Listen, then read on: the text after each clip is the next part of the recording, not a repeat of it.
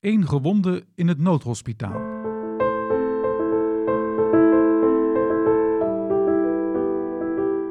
Uit de oorlogsverslagen van het klooster. De historische 10 meidag begon voor het Zwolse klooster zoals zij voor de meeste Nederlanders begon. De fraters worden heel vroeg gewekt door ontploffingen bij het opblazen van de bruggen over de grote verkeerswegen. Ontelbare vliegmachines ronken hoog en rustig in de helderblauwe lucht. Hier en daar ratelt afweergeschut. De waterleiding schijnt defect en de pomp in de tuin moet het klooster en omstreken van het benodigde water voorzien. Bij het ontbijt maand pater subprior tot kalmte. De lessen beginnen gewoon.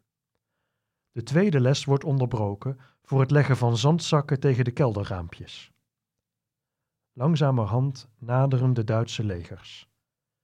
In de middag beginnen de machinegeweren op de wipstrik te ratelen. Er donderen kanonnen.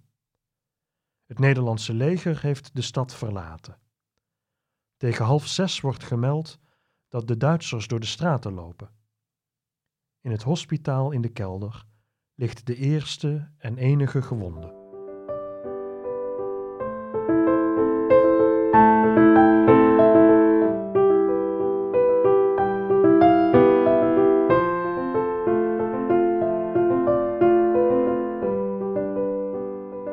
Hoewel er al vanaf 1938 verschillende verdedigingswerken en wegversperringen worden aangelegd, nemen de Duitsers op 10 mei 1940 Zwolle relatief gemakkelijk in. Het ingerichte noodhospitaal in de kelders van het klooster vangt dan ook maar één gewonde op. Hoe zal hij of zij zich gevoeld hebben? Als een loser die op de verkeerde tijd op de verkeerde plek was?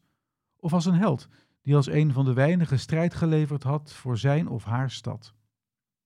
Als een pechvogel, alleen in donkere kelders, met naast hem tal van lege bedden? Of juist als een geluksvogel die nu door zijn verwondingen binnen weet te komen op doorgaans verboden kloosterterrein? Het klooster wordt zowel aan het begin als aan het einde van de oorlog gebruikt voor ziekenzorg. Tweemaal worden de kelders ingericht als noodhospitaal. En de tweede maal volgen de broeders ook EHBO-lessen, om zo nodig zelf aan de bedden te kunnen staan. Ze zetten hun opgedane kennis uiteindelijk in bij het verzorgen van duizenden evacuees, die via station Zwolle naar elders worden getransporteerd en zwaar getraumatiseerd en verzwakt uit de treinen komen.